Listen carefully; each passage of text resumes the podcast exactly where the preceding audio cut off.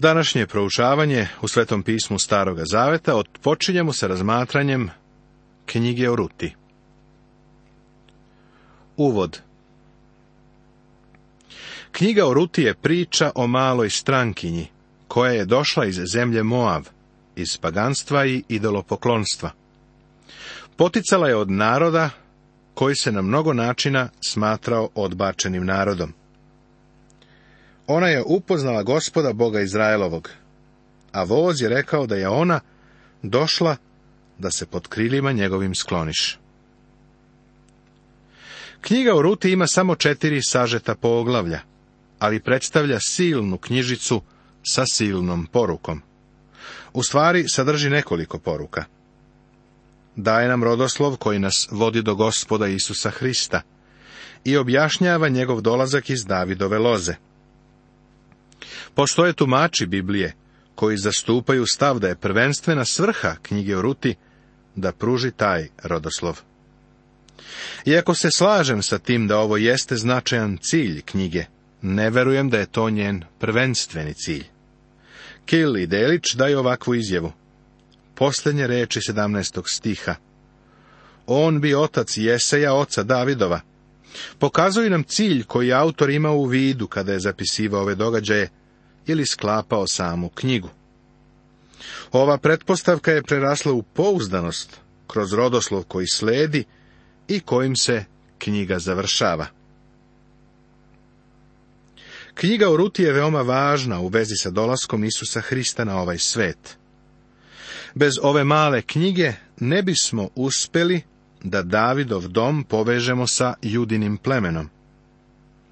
Ona je veoma značajna karika u lancu Svetoga pisma, koji počinje sa prvom knjigom Mojsijevom i proteže se sve do štalice u Vitlejemu i krsta, pa do krune i trona Davidova na koji će jednoga dana gospod sesti. Ovo je potpuno pouzdan razlog zašto je knjiga o Ruti uključena u kanon Svetoga pisma. Međutim, primarni cilj knjige o Ruti jeste namera da se predstavi značajna faza u doktrini iskupljenja. Iskupljenje je moguće jedino kroz rođaka iskupitelja, odnosno osvetnika. Bog nije mogao da iskupi bez posrednika. Pošto jedino Bog može da iskupi, bilo je neophodno da On postane ta osoba. Voz samo oslikava lik i aspekt rođaka izbavitelja, koji je od suštinske važnosti za bilo koju ispravnu teoriju o izmirenju. Ova mala knjiga o Ruti se spušta na naš nivo i priča nam običnu priču o paru koji se voleo. Bili su to obični ljudi, prosečni, a njihova ljubavna priča jeste ogledalo u kome se ogleda božanska ljubav spasitelja prema meni i tebi. Kada nastavimo sa proučavanjem ove knjige, vidjet ćemo kako se pred nama ova divna ljubavna priča otkriva. Pregled Ruta je vrlo sažeta i kratka knjiga. Sadrži samo četiri poglavlja. Na mnogo načina je deljenja. Neke podele su izvanredne, ali ova koju ćemo mi slediti više se od svih ostalih drži samog sadržaja knjige. Ovo je geografska podela. U zemlji Moav, poglavlje prvo. U Vozovom polju, poglavlje drugo. Treće, na Vozovom gumnu, poglavlje treće. I četvrto, u Vozovom srcu i domu, poglavlje četvrto. Poglavlje prvo. Tema. U zemlji Moav. A u ono vreme, kad suđah u sudije, bi glad u zemlji. I jedan čovjek iz Vitlejema Judina otide da živi kao došljak u zemlji Moavskoj sa ženom svojom i sa dva sina svoja. Ovaj stih kojim započinje knjiga o Ruti pokriva veliki deo – u stvari više zvuči kao neki savremeni novinski izveštaj. Dok sam studirao, radio sam u novinama u Memfisu. Kao mlad novinar bez iskustva, odlazio sam na teren sa drugim izveštačima. Također sam se upoznao sa gradskim urednikom, finim čovekom, koji se trudio da mi što više pomogne. Pokušao sam da napišem priču o jednom događaju, kome smo bili svedoci jedne noći u gradu, a onda sam je pokazao uredniku. On ju je pročitao, sklonio u stranu i rekao da ne može da ju potrebi. Zatim je kazao da postoje dve stvari koje je neophodno uneti u prvu rečenicu svakog vrednog novinskog članka. Vreme i mesto. U stvari ovako je rekao u prvu rečenicu ubaci što je moguće više svega. Kada sljedeći put budeš čitao značajan novinski članak na prvoj strani, obrati pažnju na to koliko informacija sadrži početna rečenica. Ponekad je prva rečenica ceo jedan odeljak koji nam saopštava ceo događaj. Govori nam kakav je događaj, gde se zbio, kada se zbio i uopšteno kako se sve odigralo. Sveti Boži duh je divan izveštač. Zato nam on već u prvom stihu navodi vreme i mesto događaja. Vreme je kad suđehu sudije. To je bilo mračno doba. Na neki način bilo je to najmračnije doba u istoriji izraelskog naroda. Sećaš se da su Izraelci bili u ropstvu u Egiptu i da ih je Bog izbavio krvlju i silom i proveo ih kroz pustinju. Potom ih je odveo u obećanu zemlju. Kakvo ih divno obećanje tamo čeka. Pomislio bi da će ovaj novi naraštaj, čiji su očevi upoznali surovost egipatskog ropstva, služiti Bogu na divan način. Ali znaš, nisu. Knjiga o sudijama nam priča tužnu i jadnu priču o odvajanju od Boga. O tome kako je narod počeo da služi živog i istinitog Boga, a zatim se od njega odvratio i odao se idolopoklonstvu i moralnoj pokvarenosti. Kako su zatim vapili Bogu kada ih je neprijatelj tlačio i kako im je Bog podigao sudije da ih izbavljaju. Slažem se sa onima koji kažu da baš sada Amerika mora da ima probuđenje, jer ako nema imat će revoluciju. Iskreno govoreći, ako želiš da vidiš veliko probuđenje u ovoj zemlji, nemoj se moliti za to. Moli se već da Bog svoju crkvu ubaci u vatru, a ja ti garantujem da će to dovesti do probuđenja. Vatra je među Božiji narod uvek donosila probuđenje, baš kao i u izraelski narodu u prošlosti. Kada bi otišli daleko od Boga, dolazio je sud. Bog ih je slao u ropstvo, ili je neprijatelj dolazio i pokorio ih. Potom su u patnji vapili Bogu. A Bog je bio milosrdan. Uvek im je podizao sudije, koje su ih izbavljale. Knjiga o Ruti se uklapa u doba sudija. Događaji koji su ovdje zabeleženi zbivaju se u toj tamnoj pozadini i sredini i dobu sudija, kada su ljudi poput Samsona bili javne ličnosti. Danas kada skandali potresuju Ameriku, pomisli na Samsonov skandal. U toku perioda kompromisa, korupcije i zbrke odvija se ova divna priča. Ona predstavlja svetlost usred mraka. Tako piše Bog, zar ne? Priča priču spasenja na tamnoj pozadini greha i svoju divnu pričicu stavlja na mračnu pozadinu doba sudija. To je priča koja je pred nama. Dešava se u ono vrijeme kad suđahu sudije. Ne samo to, nego smo obavešteni i o tome da se ovo zbiva u Vitlejemu Judinu. To je baš zanimljivo. Vitlejem Judin za Božje dete danas zaista ima pravi smisao. Iskreno govoreći, Isus Hristos nikada ne bi bio rođen u Vitlejemu, da se pre toga u Vitlejemu nisu zbili događaji, koji su zapisani u knjizi o Ruti. Dok pevaš pesmicu Mali grad Vitlejem, Seti se da je božićna priča započela davno događajima koji su zabeleženi u malenoj knjizi o Ruti. To su događaji koji će nas sve više obuzimati dok se budemo udubljivali u ovaj divni deo Svetog pisma. Zanimljiv je naziv grada Vitlejem Judin. Imena u Bibliji stvarno imaju pravo značenje. Vitlejem znači kuća hleba, a Juda znači pohvala.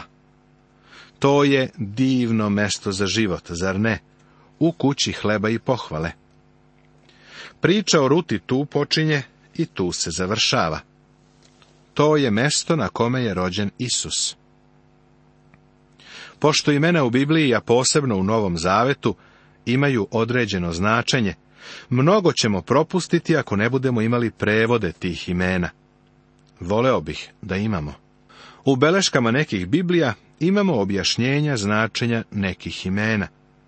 To doprinosi obogaćivanju smisla Božje reči, baš kao u ovom slučaju. Jedan čovek iz Vitlejema Judina otide da živi kao došljak u zemlji Moavskoj sa ženom svojom i sa dva sina svoja. On živi u kući hleba i pohvale, ali se seli u zemlju Moav. U Božjoj reči nalazimo nešto vrlo zanimljivo o zemlji Moav. Skoro da je šaljivo. U psalmu 108. u 9. stihu ovako piše Moav je čaša iz koje se umivam. To Bog kaže za Moav. Vidiš, to su bili izgnani ljudi imali su vrlo tužan i bedan početak. Moav ne stoji dobro u Božjoj reči. Ono što Bog kaže za Moav, mogli bismo i ovako parafrazirati. Moav je kanta za đubre.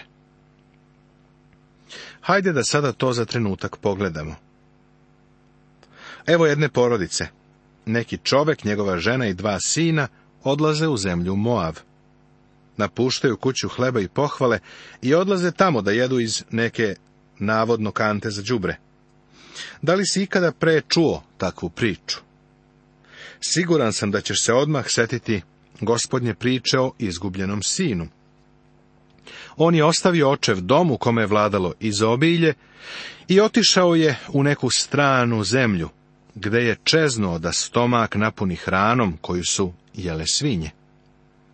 Ne verujem da je gospod izmislio ovu priču. U stvari, ne verujem da je uopšte izmišljao parabole. Verujem da je svaka parabola koju je kazao bila stvarni događaj. Verovatno je u to vreme bilo mnogo sinova, na koje se ova priča mogla odnositi.